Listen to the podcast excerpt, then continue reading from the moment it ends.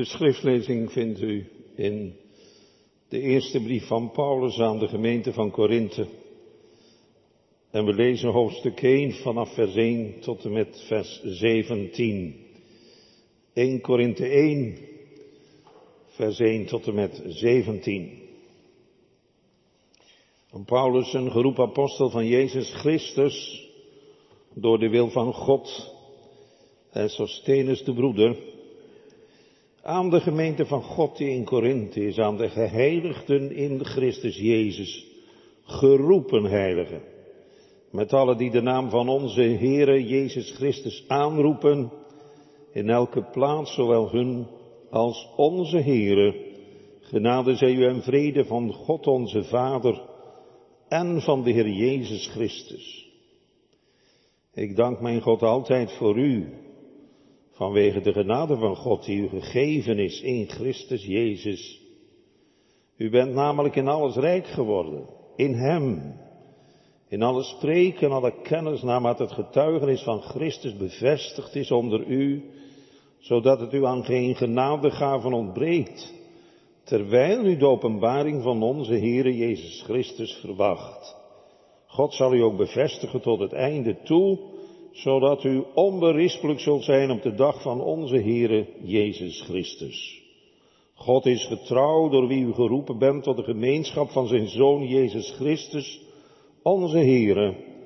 Maar ik roep u ertoe op, broeders, door de naam van onze Heere Jezus Christus, dat u alle eensgezind bent en u spreken.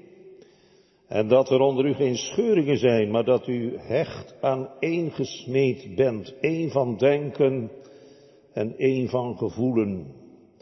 Want mij is over u bekend gemaakt, mijn broeders, door de huisgenoten van Chloe, dat er ruzies onder u zijn. Ik bedoel dit, dat ieder van u zegt, ik ben van Paulus, ik van Apollos, ik van Kefas en ik van Christus. Is Christus verdeeld? Is Paulus soms voor u gekruisigd? Of bent u in de naam van Paulus gedoopt? Ik dank God dat ik niemand van u gedoopt heb dan Crispus en Gaius, zodat niemand kan zeggen dat ik in mijn naam gedoopt heb.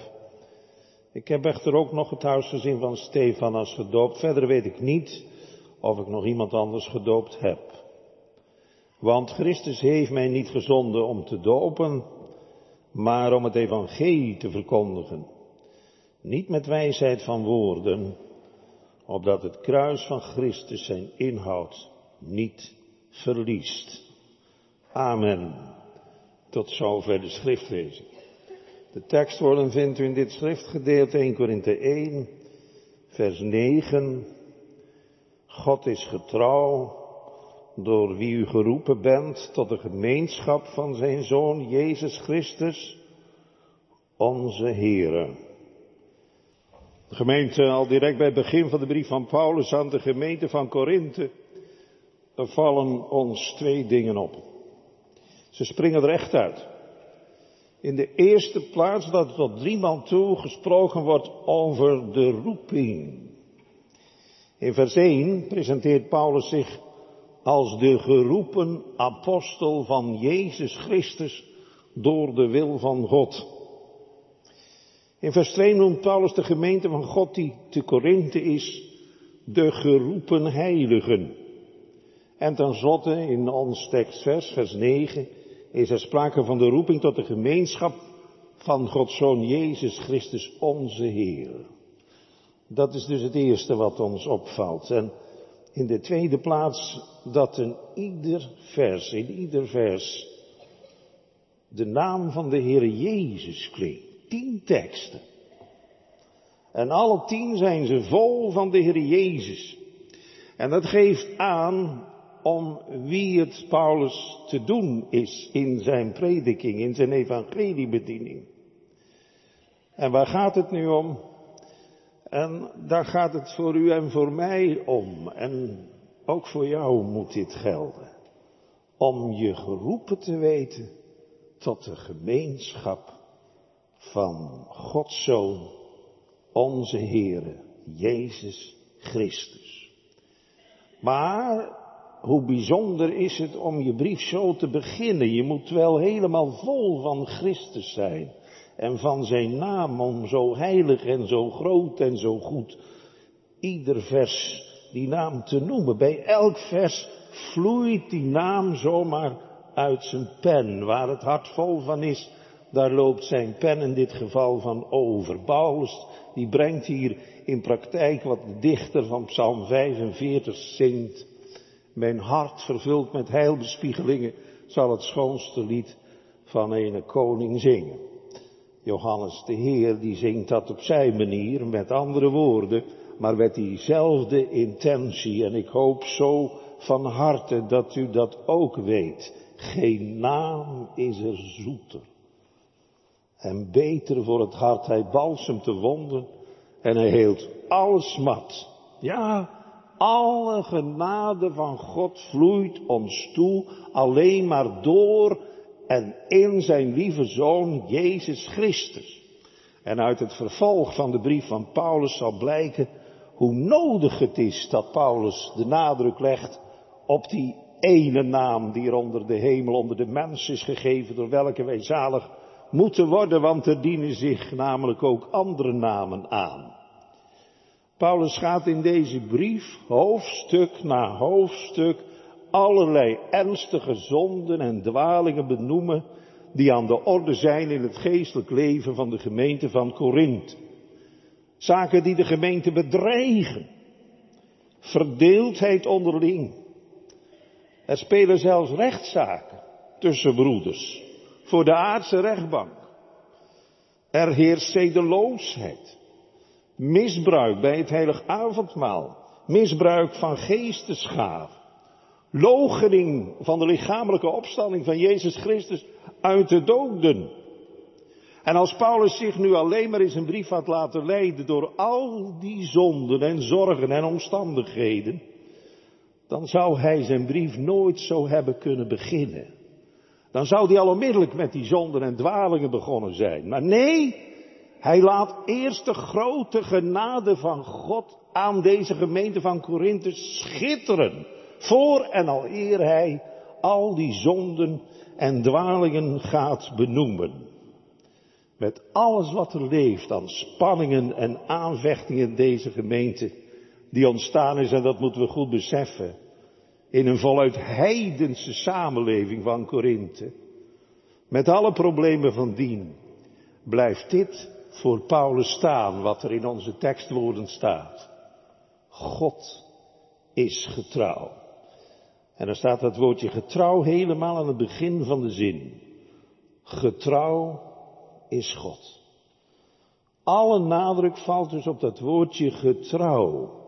En dat tegenover al die ontrouw die er in de gemeente gevonden wordt. Prevaleert dit dus bij hem.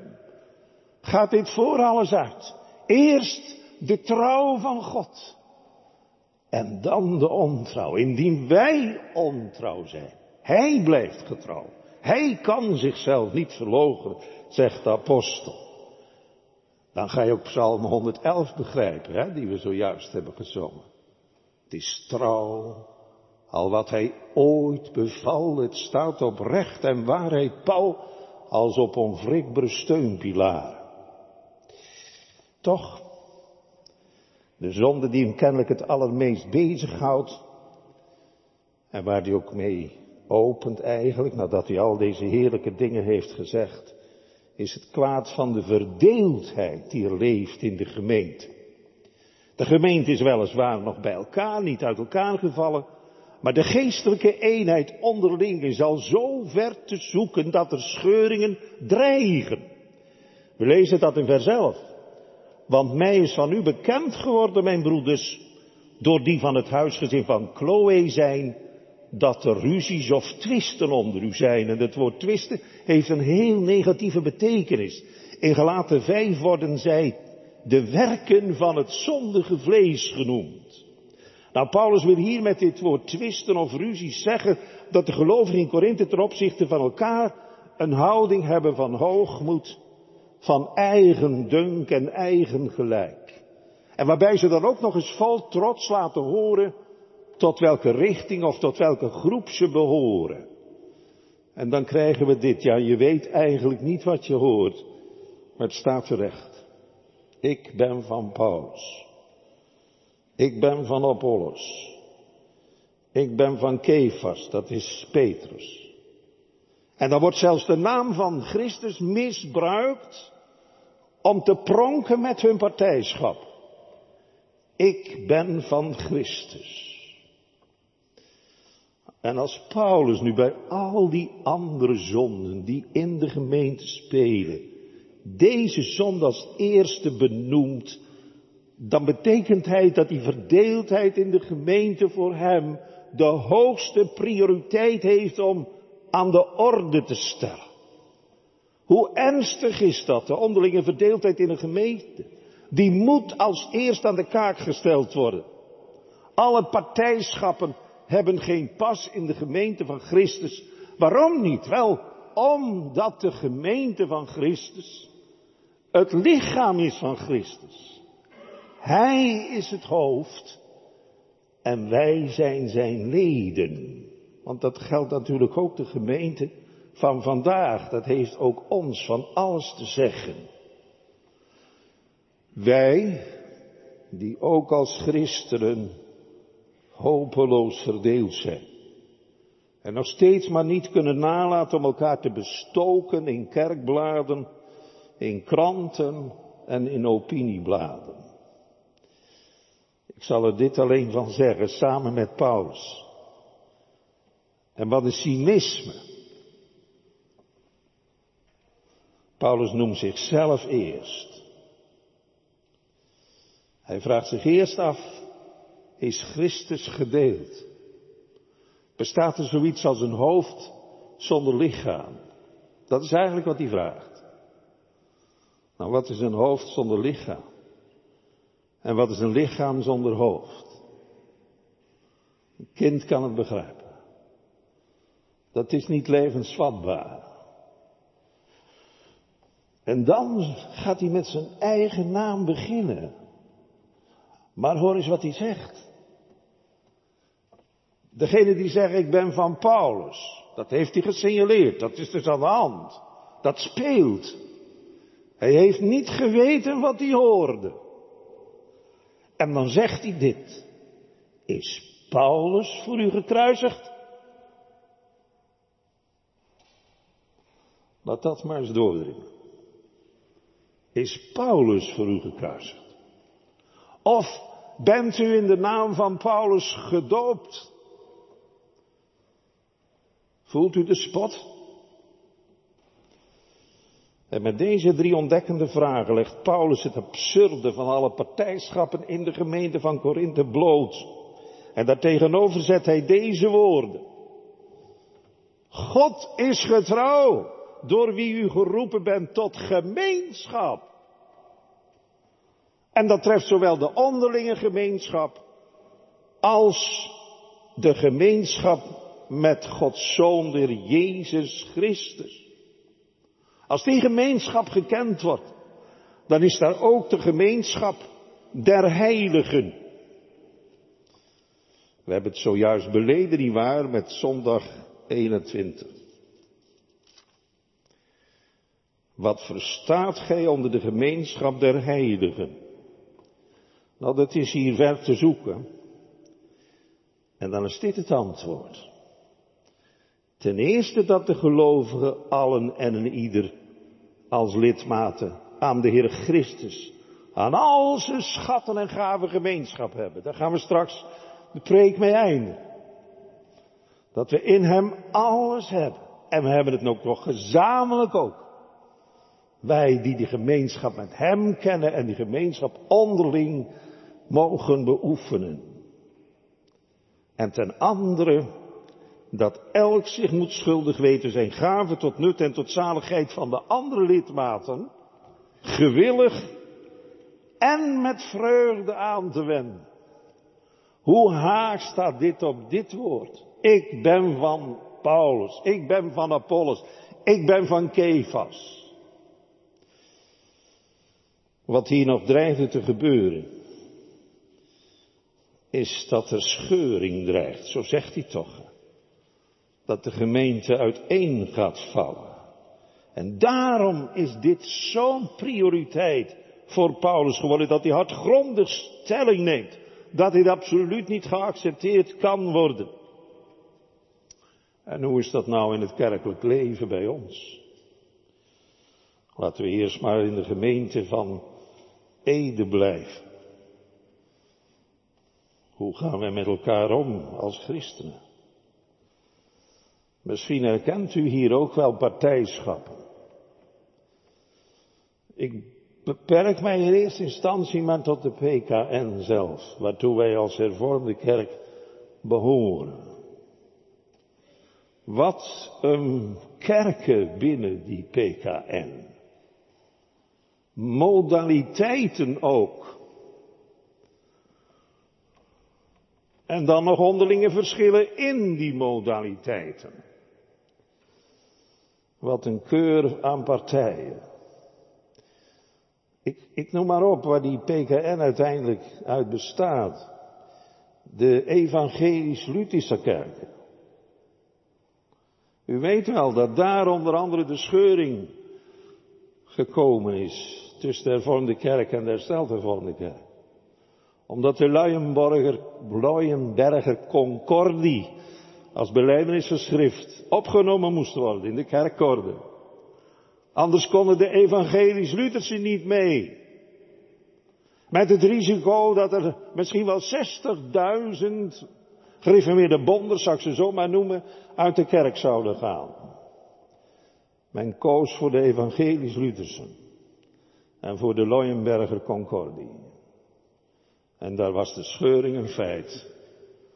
De HHK ontstond in 2004. De Waalse kerken. Nou, misschien weet u niet eens wat die Waalse kerken zijn. In Dordrecht hebben wij nog een Waalse kerk. Daar wordt in het Frans gepreekt, iedere zondag. En dan natuurlijk de gereformeerde kerken. Wat een oplossing voor die kerken die steeds meer achteruit gingen om dan een plekje binnen die PKN te krijgen. En dan wij als Nederlandse hervormde kerk zijn ook binnen de PKN geraakt. Maar ja, dan je daar als Nederlandse hervormde kerk binnen de PKN. Maar wij namen wel al die partijschappen mee. Modaliteiten noemen wij dat dan, met een deftig woord. De confessionele, de gereformeerde bonders, de midden-orthodoxie en de vrijzinnigheid. Ging allemaal mee. Wat een keur aan partijen. En dat is dan alleen nog maar binnen de PKN, de Protestantse Kerk van Nederland. En dan moet je kijken dan, de gereformeerde gezinten, waartoe wij ons ook rekenen, denk ik, in Ede. Dan hebben we ook weer zoveel kerken. Oud gereformeerd. Gereformeerde gemeenten in Nederland. Hersteld hervormde kerk christelijk gereformeerde kerken, vrijgemaakten. Wie zou niet wenen? Maar wij hebben ermee leren leven. Het is nou eenmaal zo. Ondanks onze ontrouw. Zeker waar het dit betreft. God is getrouw. En zijn plannen falen niet. We hebben gezongen over de trouw van God is trouw al wat hij ooit beval. Het staat op recht en waarheid. Pallas op onwrikbare steunpilaren, daar is niet aan te tornen. Ondanks alles wat wij ervan gemaakt hebben in de loop der eeuwen. Hij is trouw aan zijn verbond. Hij zal het gestaafd verbond met hen in eeuwigheid bewaren.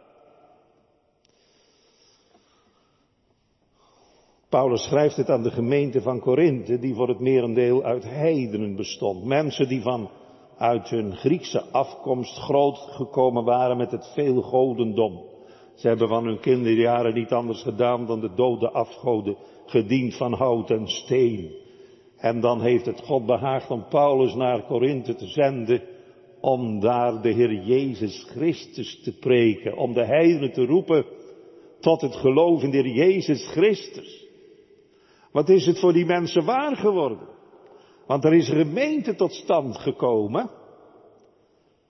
Denk eens aan Psalm 65. Welzalig die gij hebt verkoren, die uit al het aards gedruis doet naderen en uw heilstem horen, ja wonen in uw huis.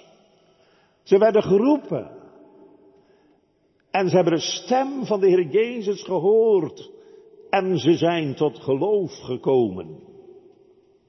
Het laat ons horen hoe onweerstaanbaar de Heer mensen tot zich trekt.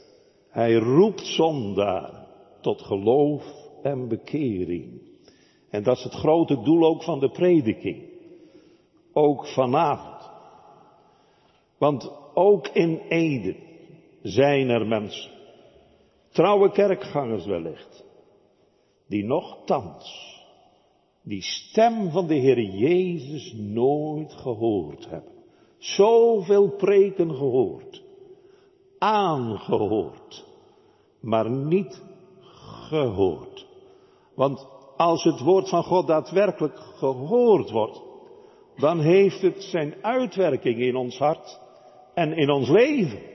Dat woord wordt in de Bijbel het zaad genoemd van de wedergeboorte. Dat woord dat Jezus op de, lippen, op de lippen neemt in de nacht, als er een fariseer bij hem komt om eens een gesprek met Jezus te hebben. En dan zegt Jezus tegen die godsdienstige man die heel zijn leven aan de godsdienst heeft gegeven, die erbij leeft en uitleeft, die krijgt het uit de mond van Jezus te horen midden in de nacht. Tenzij een mens wederom geboren wordt, hij kan het koninkrijk Gods niet zien. Die man die weet niet wat hij hoort, daar heeft hij nog nooit van gehoord. Dat is nog nooit tegen hem gezegd. Maar nu wordt het gezegd door Jezus zelf. Tenzij een mens wederom geboren wordt. Hij kan het koninkrijk Gods niet zien. En hij heeft het gehoord. Hij heeft het verborgen gehouden. Drie jaar lang is het hem gelukt. Maar als Jezus dood aan het vloekhout hangt, op Golgotha, daar komen Petrus en Johannes, die komen natuurlijk als eerste om Jezus van het kruis af te halen, om hem een staatsbegrafenis te geven. Nee. Niemand te zien van de kerk. Niemand te zien. Twee man. Nicodemus met een ander lid van het Sanhedrin, Jozef van Arimathea. Die was persoonlijk naar Pilatus gegaan om te vragen of hij het lichaam van Jezus van het kruis mocht afhalen. En die kreeg toestemming. En dan legt hij hem in een graf waarin nog nooit iemand gelegen had, zo lezen we. En in dat graf is Jezus begraven door twee mensen uit het Sanhedrin die wederom geboren waren. Dan zie je wat dat uitwerkt. Wat een liefde er dan komt tot de Heer Jezus Christus. Dat je dan werkelijk er alles voor over hebt gehad. Want dat hebben die mannen gehad. Die waren natuurlijk volledig afgebrand. Die zijn gelijk het zand erin uitgegooid. En wat er met hun gebeurd is verder, wij weten het niet. Maar we vrezen het ergst. Gelet op de vervolging die is ontstaan in Jeruzalem nadat de Heilige Geest is uitgestort geworden. Laten wij nu ons eigen hart eens onderzoeken. Als ik nou zou vragen, door welke woorden uit de Bijbel is je hart nou geraakt geworden? Zodat het consequenties kreeg voor je, voor je eigen leven. Dat het niet meer kon blijven zoals het was. Dat je ging vragen naar de Heere en naar Zijne sterkte. Dat Hij de voornaamste plek kreeg in je leven. Dat je met hem ging leven. Je kon niet zonder hem verder. Deze gezang dat zingt zonder u kan ik niet verder, geen enkele schreden. Om nou je treden te zetten in zijn spoor, opdat, zijn opdat je voet niet uit zal glijden. Zal ik eens een paar teksten noemen. Misschien tref ik nog vanavond door Gods genade gelijk doel. die pijl in eenvoudigheid afgeschoten rechtstreeks je hart raakt. Hoe vindt u die tekst? Waar de Heeren als een koopman op de markt zijn waren aanbiedt. O, alle geen dorsten, kom tot de water en gij die geen geld hebt, komt, koopt en eet zonder prijs, wijn en melk. Waarom weegt gij de geld uit voor hetgeen geen brood is en uw arbeid voor hetgeen u niet verzadigen kan? Zijn genade biedt hij aan. Kom dan maar naar mij toe. En wie tot mij komt, zal ik geen zins uitwerpen. Kijk, wat is er nou op tegen? Als het daar nou nooit van kwam. Om die genade als een geschenk van God ontvangen. Want het geloof is niet anders dan dat. En misschien dat alles je ervan weerhoudt, misschien wel het voornaamste is je zondige leven, dat je zegt, ja, het kan toch niet zo zijn dat die nodiging nu tot mij uitgaat. Ja. Nee, hoor. Kijk, als ik die tekst noem, dan denk ik aan mijn eigen leven ook, hoe ik die stem gehoord heb toen ik voor de eerste keer aan het avondmaal ging. Nee, hoor. En kom tot mij merk je dat het bij de Heer er altijd om gaat. Om tot hem te komen. Calvijn zegt het zo prachtig. Hij komt eerst tot ons. Opdat wij tot hem zouden komen. Neig uw oor. En kom tot mij, hoort en uw ziel zal leven. En ik zal een eeuwig verbond met u maken. En ik zal u geven de gewisse weldadigheden van David. Dat is Christus en al zijn weldaden. Zoals hier staat. Eerstelijk dat de gelovigen allen en ieder als lidmaat van de Jezus Christus. En aan al zijn schatten en gaven gemeenschap hebben. Nou, dat hoor je in deze tekst doorklinken. Nicodemus, godsdienstig, rijk en verrijkt en nergens gebrek aan. Nou, dat kan in de christelijke gemeente van vandaag ook zo zijn. Dat was ook al in de gemeente van Laodicea zo. Wat hadden ze met zichzelf getroffen? Rijk en verrijkt. En wat zegt de Heer Jezus? En dan komt weer zo'n tekst. Zie, ik sta aan de deur en ik klop. God klopt, hè? door zijn stem te laten horen en ik klop. Indien iemand mijn stem zal horen. Zo klopt hij dus. Zoals we nu die stem horen, zo staat hij aan de deur van je hart. Indien iemand mijn stem zal horen en de deur open doen, ik zal inkomen en ik zal avondmaal houden met hem. Dat betekent niet het avondmaal zoals wij dat hier vieren, maar dat is gemeenschap, waar het in onze tekst over gaat. Ik zal gemeenschap met hem hebben en hij met mij. Die wederzijdse gemeenschap, die liefde van hem, die beantwoord wordt door de liefde van mij. Wij hebben Hem lief omdat Hij ons eerst heeft lief gehad. Ik heb lief, want de Heere hoort mijn stem. Ik kan wel aan de gang blijven hoor. Maar zalig is het volk dat dit geklank kent. Om daar nu uit te leven. Het woord als eten en drinken. Te leven op Gods beloften die in Christus ja en amen zijn. Nou en nou laat Paulus in het, u hoort het, hij noemt ze geroepen heiligen. Maar wat is er nou in die gemeente aan de hand? Er zijn er een hoop die, die twijfelen of Paulus wel een dienstrecht van de Heren is. Ja, als je zegt, ik ben van Apollos en ik ben van Kefas en ik ben van Christus. Dan elimineer je natuurlijk Paulus. Ja. En nou zegt Paulus, hij moet zijn apostelschap verdedigen. En daar begint hij dan ook mee. Paulus, een geroepen apostel van Jezus Christus, door de wil van God aan de geroepen heiligen van allen die de naam van onze Heer Jezus aanroepen. Hoe bijzonder hè, dat hij zo zijn apostelschap moet verdedigen tegenover die gemeente. Ja, en dan gaat hij daar dieper op in hoor. In hoofdstuk 9, daar verdedigt hij zijn apostelschap als volgt. Ben ik niet een apostel? Ben ik niet vrij? Heb ik niet Jezus Christus onze Heere gezien? Zijt gij niet mijn werk in de Heere? Zo ik voor anderen geen apostel ben, nochtans ben ik het voor u. Want het zegel van mijn apostelschap zijn jullie in de Heere. Jullie zijn het zegel op mijn prediking. Jullie zijn door het geloof in de prediking die ik voor jullie gehouden heb, geroepen heilige geworden.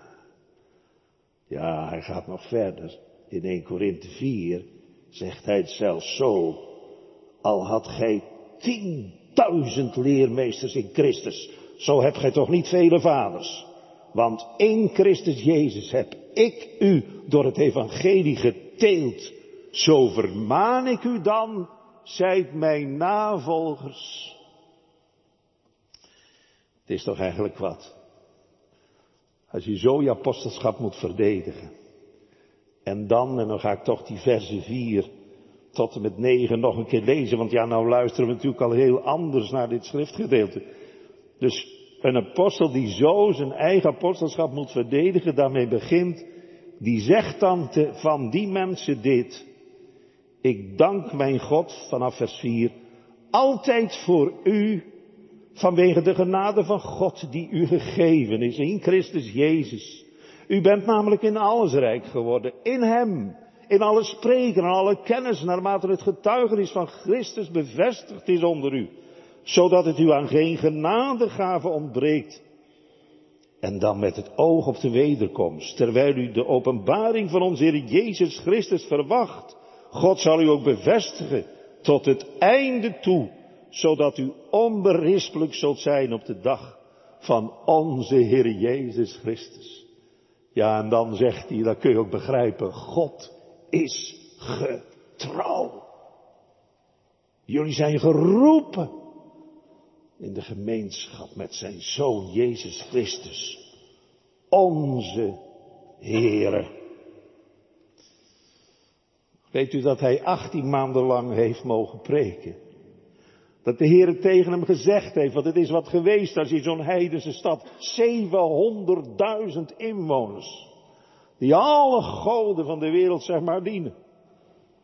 En dan preekt hij de Heer Jezus Christus als de enige naam onder de hemel gegeven tot zaligheid. En dan worden ze geroepen. En ze komen tot geloof. En ze horen en gehoorzamen. Er staat hier dat ze zijn naam hebben aangeroepen. Dat is ook zo'n vernaam kenmerk. Als we ons geroepen weten, dan gaan we de Heer aanroepen. En wie hem aanroept in de nood, die vindt zijn gunst oneindig groot. En het zal zijn dat een ieder die de naam des Heren zal aanroepen, zalig zal worden. Geweldig. Weet u wat de Heer al op voorhand gezegd heeft? Ik heb veel volk in deze stad. En wat heeft de Heer dat rijkelijk bevestigd? En wij. Kijk, deze mensen kwamen tot geloof en zijn vervolgens gedoopt uit kracht van de naam van Jezus Christus tot vergeving van zonde. Ja, wij hoeven niet meer gedoopt te worden. God was ons al voor, nietwaar? Het is zo geweldig. Hij wilde dat verbondsteken aan onze voorhoofden vastmaken, toen we nog eens wisten dat we bestonden. Onze ouders brachten ons bij de fontein die God geopend heeft tegen de zonde en tegen de onreinheid. En het bloed van de Heer Jezus Christus is aan ons voorhoofd vastgemaakt. En wat is het geloof nu? Wel, het geloof mag nu de hand leggen op dat volmaakte offer van Christus, want dat spreekt, daar spreekt dat doopvond van. Hier is de belofte betekend en verzegeld dat het bloed van de Heer Jezus Christus, Gods Zoon, reinigt van alle zonde. En waar u tot geloof en bekering mocht komen, is die doop voor u gaan leven. Is het waar geworden dat u de hand van het geloof hebt mogen leggen op dat volmaakte offer van Christus? Ook hiervan geldt, hè? Dit deed ik voor u, daar gij anders de eeuwige dood zou moeten sterven. Wat wordt je doop dan een wonder, nietwaar? Hij is het die verlossing zond. En hij zal dat verbond met mij tot in eeuwigheid bewaren. Ik heb u bij uw naam geroepen. Je bent van mij. Ik heb jou gekocht. Niet met de prijs van zilver of goud, maar met de prijs van mijn dierbaar bloed. Dat God nou daar zijn zoon voor over heeft. Om ons te redden van de dood. En ons het leven tot in eeuwigheid te schenken. Zijn zoon Jezus Christus is zelf in de totale verlorenheid weggezonken. Hij uit de gemeenschap met zijn hemelse vader gebannen, heeft het uitgeschreeuwd, mijn God, mijn God. Het bleef zijn God, hè? Hij klampte zich aan zijn God vast, ook toen zijn God er niet meer was. Waarom hebt gij mij verlaten? Opdat wij tot hem genomen zouden worden en nimmer meer verlaten. Hij verlaten, opdat wij in deze gemeenschap van zijn zoon gesteld zouden worden. Hoe schittert in dit alles de trouw van de Heer. Nou gaan we eens kijken naar dat woord gemeenschap. Want het is nogal wat, hè? Als wij in Hem mogen geloven, als dat woord ontvangen is voor wat het waarlijk is, namelijk als het woord van God, dan leidt dat tot de gemeenschap met de Heer. En dat is een gelovige gemeenschap. Want door het geloof maakt de Heilige Geest ons één geest met Gods lieve Zoon. Dat staat ook in de Korinthebrief. In 1 Korinthe 6 vers 17. Want die de Heere aanhangt, is één geest met hem. En hoe heeft de Heer Jezus Christus daar zelf ook over gesproken? In dat beeld van de rank en de wijnstok. Ik ben de ware wijnstok. En gij zijt de ranken. We worden geënt in de wijnstok Christus.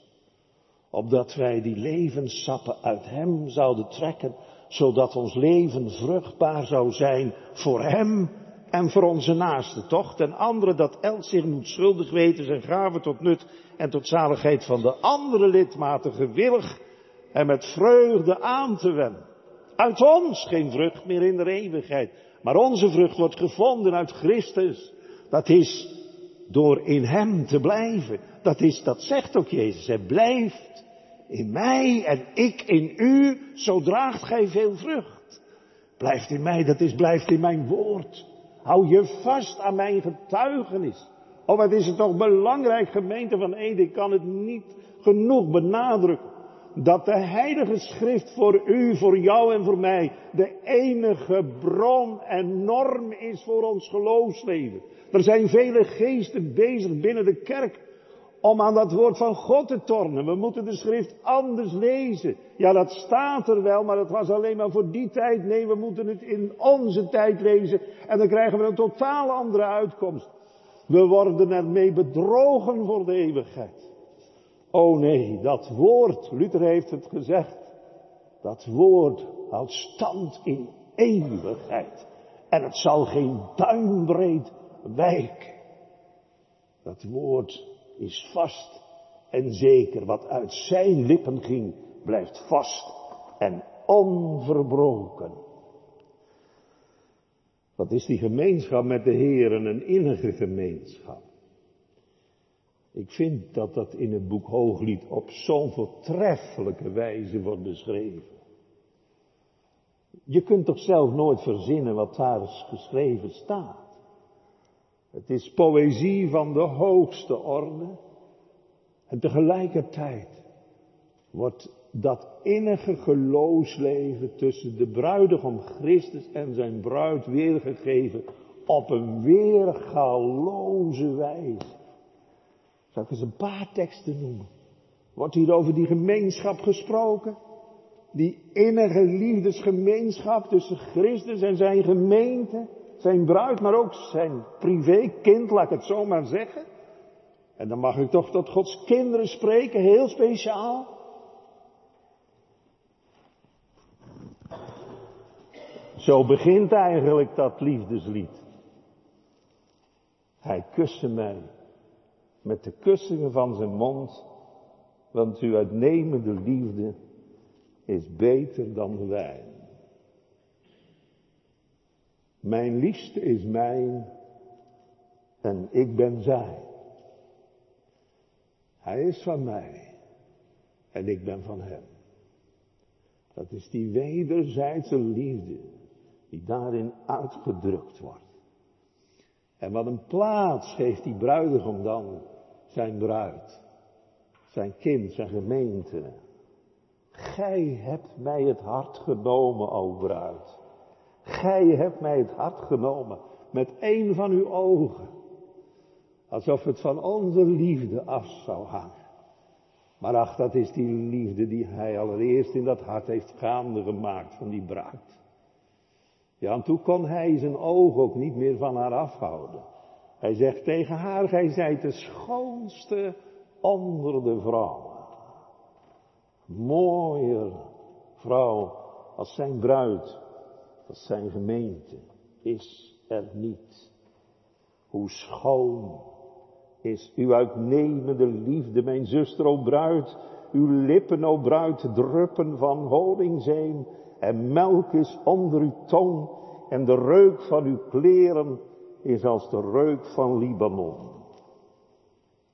Al zou je er niks van begrijpen in die zin van die hoogstaande taal, maar je voelt zomaar aan dat hier de liefde bezongen wordt, die u of jou of mij niet vreemd is. Je mag je hart ernaast en zeggen, heren, dat is nu de taal van mijn hart. U spreekt het tot mij. En ik mag het geloven. Ik mag het aan mijn hart drukken. Als aan mij, als tot mij gezegd. Nou, dat vinden we nou ook terug, die gemeenschap. Eniger kan het ook niet verwoord worden. Als Paulus in diezelfde Korinthebrief spreekt over het heilige avondmaal. Wij kennen die teksten allemaal. Het brood dat wij breken is de gemeenschap aan het lichaam van Christus. Daar heb je het. En dan zo nabij, zo innig. Neemt, eet, gedenkt en gelooft dat het lichaam van onze Heere Jezus Christus verbroken werd tot een volkomen verzoening voor al onze zonden. En zo ook de drinkbeker, de dankzegging, die we dankzeggende zegenen, is de gemeenschap aan het bloed van Christus. Neem, dringt allen eruit. Zo wordt die gemeenschap beoefend. Je mag proeven en smaken dat de Heere goed is voor je. Neemt en drinkt. Gedenkt en gelooft dat het bloed van onze Heere Jezus Christus vergoten is. Tot de volkomen verzoening voor al onze zonden. Nou, dat is de gemeenschap van de liefde. Maar dan heeft die gemeenschap nog een betekenis in zich. Dat is deel hebben aan. Deel hebben aan, ja. Want wie geloven mag in de Jezus Christus, die heeft ook deel aan dat wat van Christus is. Al het mijne is het uw. Nou, allereerst wordt in onze tekst de Jezus Christus hier Gods Zoon genoemd. Jezus is dus een Zoon van God. De Zoon van God, de enige. Maar al degenen die in de Jezus Christus mogen geloven, die mogen ook een kind van God zijn. Die worden tot Gods kinderen aangenomen. Om Jezus wil. Paulus zegt in de Romeinenbrief, ge hebt ontvangen de geest der aaning tot kinderen, door welke wij roepen Abba, dat is papa in ons Nederlandse taal. Papa, vader. Indien gij niet wordt gelijk een kind. Je kunt het koninkrijk gods niet zien. Zo innig wordt die gemeenschap met God in en door de Heer Jezus Christus, zodat wij God de Vader als papa aanroepen. En deze geest die daarvoor zorgt, getuigt met onze geest dat wij kinderen Gods zijn. We hebben deel aan het kindschap van God. In Galaten 3 zegt Paulus, want gij zijt allen kinderen van God door het geloof in de Jezus Christus. Christus en al zijn weldaden, hè, zo hebben we gezegd. Al vanuit de beleidenis. Vraag en antwoord 55. Of 54. En dan na zoon volgt Jezus. Dat is de zaligmaker. Je zult zijn naam heten Jezus, want hij zal zijn volk zalig maken van al hun zonde. En nu mogen wij door het geloof in de Jezus Christus, en ik heb dat zo duidelijk proberen te maken aan de hand van het sacrament van de heilige doop, worden wij met Christus gekruisigd. Wij zijn met Hem door de doop in de doop, aan de dood gestorven. Met Hem gestorven. Hij is om onze zonde gestorven. Maar wij blijven niet onder het water. Wij komen als het ware weer uit het water op. We staan ook met Hem op in een nieuw leven. En zo is Hij onze zaligmaker van zonde. En dat hebben we ook beleden, hè? Wat gelooft gij van de vergeving van zonde? Dat God om de genoegdoening van Christus wil al mijn zonden, ook mijn zonde gaat, waar ik heel mijn leven lang nog tegen te strijden heb, nimmer meer, meer zal gedenken. Hij denkt er nooit meer aan. Wij moeten er nog zo vaak aan denken, nietwaar? Hoe vaak kom je verleden niet terug in het heden van nu. Maar met hem begraven in zijn dood en met hem opgewekt in een nieuw leven. En dan wordt hij ook Christus genoemd in onze tekst. Dat is de Messias. De gezalde van de Heer. En dan hebben wij dus ook deel aan zijn zalving. Geweldig, Paulus benoemt dat ook in de tweede Korinthebrief. Daar zegt hij dit zo mooi.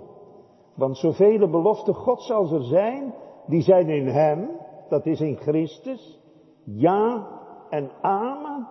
God tot heerlijkheid door ons, maar die ons bevestigt met u in Christus en die ons gezalfd heeft is God.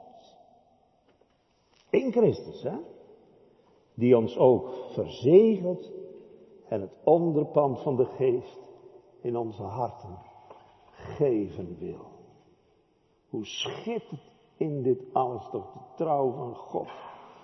Zo mag in iedere naam van Jezus Gods genade voor mij, want daar gaat het hier om, deel hebben aan in die namen van Hem deel hebben aan het Allerhoogst en eeuwig goed. En dan tenslotte ook nog onze Heere. En ik heb u al gewezen op die twee voorafgaande versen dat dit nou alles gezegd wordt met het oog op de wederkomst van Christus. zodat het aan u geen, aan u geen ontbreekt, terwijl u de openbaring van onze Heer Jezus Christus verwacht. Het is dus de wederkomst die verwacht wordt. Wij verwachten de Heer Jezus toch? Hij komt, hij komt om de aarde te richten, de wereld in gerechtigheid. En dan staat erbij, God zal u ook bevestigen tot het einde toe. Hij zet zijn stempel op ons hart en leven, zodat u onberispelijk zult zijn met het oog op de Heer Jezus Christus, tot op de dag van de Heere zijn wederkomst, de dag van onze Heer Jezus Christus. En daarom wordt hier ook gesproken over onze Heere. Wij verwachten Hem. Wanneer komt die dag, Heere? Kijk, als wij niet geloven in de Jezus Christus, dan kan ik begrijpen, en zo is dat ook in mijn leven geweest, dat zo'n dag eigenlijk met verschrikking tegemoet wordt gezien. Te zeggen, oh Heere, ja, ik, ik kan niet voor u bestaan. Maar we moeten ons wel realiseren dat wij mogelijk die wederkomst niet zelf in levende lijven zullen meemaken. Dat we al eerder door Hem werden opgeroepen om voor Zijn aangezicht te verschijnen. En dan is het toch nodig, gemeente van Ede, dat wij die wedergeboorte, dat nieuwe leven waar we vanavond het nodige over gehoord hebben, mogen kennen. En als u er nou achter gekomen bent dat dat niet zo is, dan mag ik nu nog zeggen, heden, indien gij zijn stem hoort. Want daar ging het over, hè, over die roeping. Gelooft zijn heil en troostrijk woord. Verhard je niet, word nou niet boos, maar laat je leiden aan zijn hand. Zoals hij vanavond in zijn woord tot je is gekomen. U hebt toch hopelijk vanavond niet het idee gekregen onder de prediking dat de Heer niks met jou van doen wil hebben. Oh, we hebben als het ware heel je leven blootgelegd. Opdat je maar één ding zou begeren. Kom in mijn hart. Heere Jezus. Eenvoudiger kan ik het toch niet zeggen. Oh, u wordt zo hartelijk genodigd. En uw kind van God onder ons, wat wacht ons een heerlijke toekomst. Wij mogen straks zonder verschrikken voor de rechterstoel van Christus verschijnen. Ook al zou de Heer ons bij wijze van spreken op dit moment wegnemen. Gij zijt verlost. God heeft u wel gedaan. Dat is de toekomst voor de kerk van de Heer. En dan mogen we, daar gaan we ook straks van zingen hoor, met verlangen naar uitzien. Er komt toch een moment dat de Heer ons oproept om voor Hem te verschijnen. En dan te weten dat deze Heer onze Heer is. Dat is een bezittelijk voornaamwoord. Wij mogen weten dat Hij ons voor zijn rekening heeft genomen. En daardoor ben ik van Hem.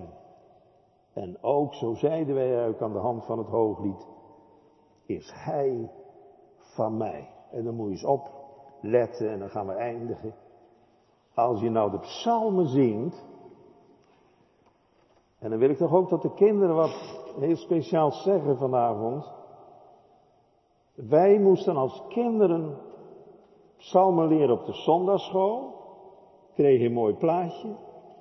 Wij moesten iedere maandagmorgen een psalm op kunnen zeggen op school. Dan kreeg je een cijfer voor. In het voortgezet onderwijs, dat heb ik dan van mijn kinderen gehoord, moesten ze ook nog psalmen leren of vragen en antwoorden van de Heidelberger catechismus. Maar dat alles om je bagage mee te geven voor je hele leven. en nou is uit het hoofd leren een beetje uit de mode geraakt. Maar mijn lieve kinderen, je krijgt je gereedschap mee voor heel je leven. Als je iemand thuis laat komen om iets te maken bij je, omdat je het zelf niet kunt. En hij heeft in zijn gereedschapkist niet het gereedschap wat hij moet gebruiken om bij u iets te maken. Nou, dat is niet leuk. En zo is het niet goed als je niet over het gereedschap beschikt. Wat is het heerlijk als je die psalmen mag kennen, niet alleen uit het hoofd, maar ook met het hart. En dan wil ik er even de aandacht op vestigen. Hoe vaak je in die psalmen voortdurend hoort spreken over mijn Heere en mijn God en mijn Koning. Hoe dat bezittelijk voornaamwoord zo voornaam is om dat te weten en te mogen uitspreken. Mijn Heer en mijn God. Denk eens aan Psalm 52. Mijn God, u zal ik even geloven omdat gij het hebt gedaan. Denk eens aan Psalm 84. Bij u mijn koning en mijn God verwacht mijn ziel een heilrijk lot. Psalm 145. Ik zal weer die ik mijn koning noem. En dan natuurlijk Psalm 73 niet te vergeten. Zo zult gij zijn voor mijn gemoed, mijn rots, mijn deel, mijn eeuwig goed. De armen worden om de Heer Jezus heen geslagen. En dan tenslotte Psalm 118. Dat is de psalm waarmee Jezus naar het kruis is gegaan. Als zij de lofzang gezongen hadden, dat zijn de psalmen 113 tot en met 118 dan zingt Jezus als laatste psalm, psalm 118. En is hij zo naar de hof van Gethsemane gegaan, met deze woorden. Gij zijt mijn God, u zal ik loven, verhogen uw majesteit. Dan gaat mijn heiland naar het kruis. Mijn God, niets gaat uw roem te boven. U prijs ik tot in eeuwigheid. O, zullen we nu samen met onze heiland dit heerlijke lied gaan zingen? Kun je nog zingen? Zing dan mee. Amen.